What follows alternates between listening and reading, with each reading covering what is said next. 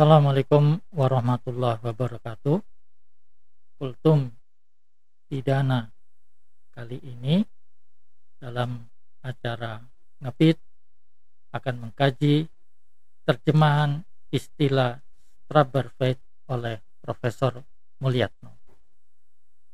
Saudara-saudara sekalian, Profesor Mulyatno menerjemahkan Strasberg sebagai perbuatan pidana. Terjemahannya ini berbeda dengan terjemahan Strasbourg oleh Profesor Wigiono Prodo Dikoro yang mengartikan sebagai peristiwa pidana. Dan berbeda pula dengan terjemahan yang diberikan oleh Profesor Subekti yaitu tindak pidana. Profesor Mulyatno menyatakan terjemahan Strasbourg dalam arti peristiwa pidana adalah tidak tepat karena peristiwa menggambarkan suatu keadaan yang konkret.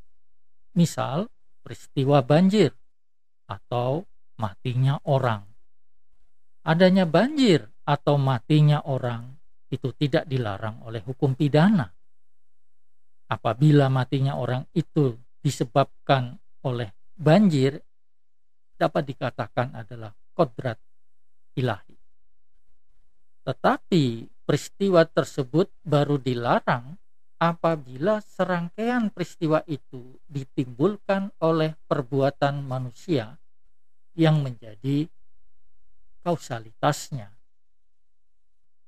Lagi pula, penggunaan peristiwa pidana terlalu luas karena kausa dari peristiwa itu bisa dari kelakuan manusia dan bukan dari kelakuan manusia.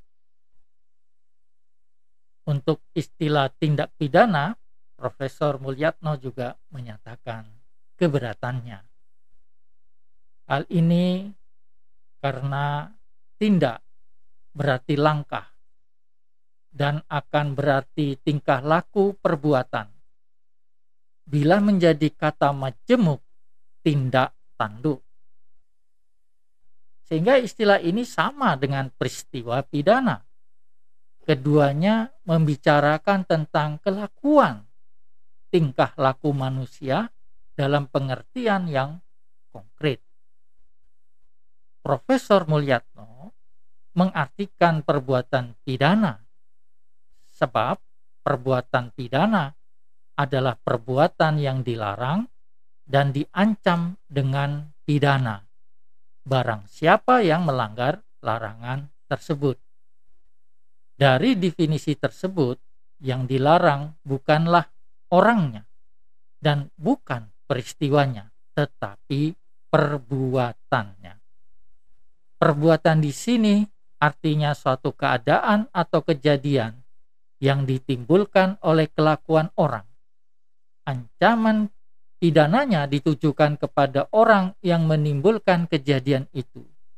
Jadi, hubungan antara kejadian dan orang yang menimbulkan kejadian itu tidak dapat dipisahkan.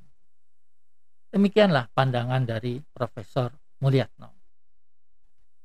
Sehingga menurut pandangan beliau, yang tepat untuk diterjemahkan ke dalam bahasa Indonesia dari kata strafbarfeit adalah perbuatan pidana. Meskipun saat ini istilah yang resmi digunakan dalam peraturan perundang-undangan adalah tindak pidana. Demikian kultum pidana pada kesempatan kali ini. Semoga bermanfaat. Sampai bertemu lagi pada kultum pidana dalam program ngepit ngobrol hukum pidana. Terima kasih. Bila itu. Wassalamualaikum warahmatullahi wabarakatuh.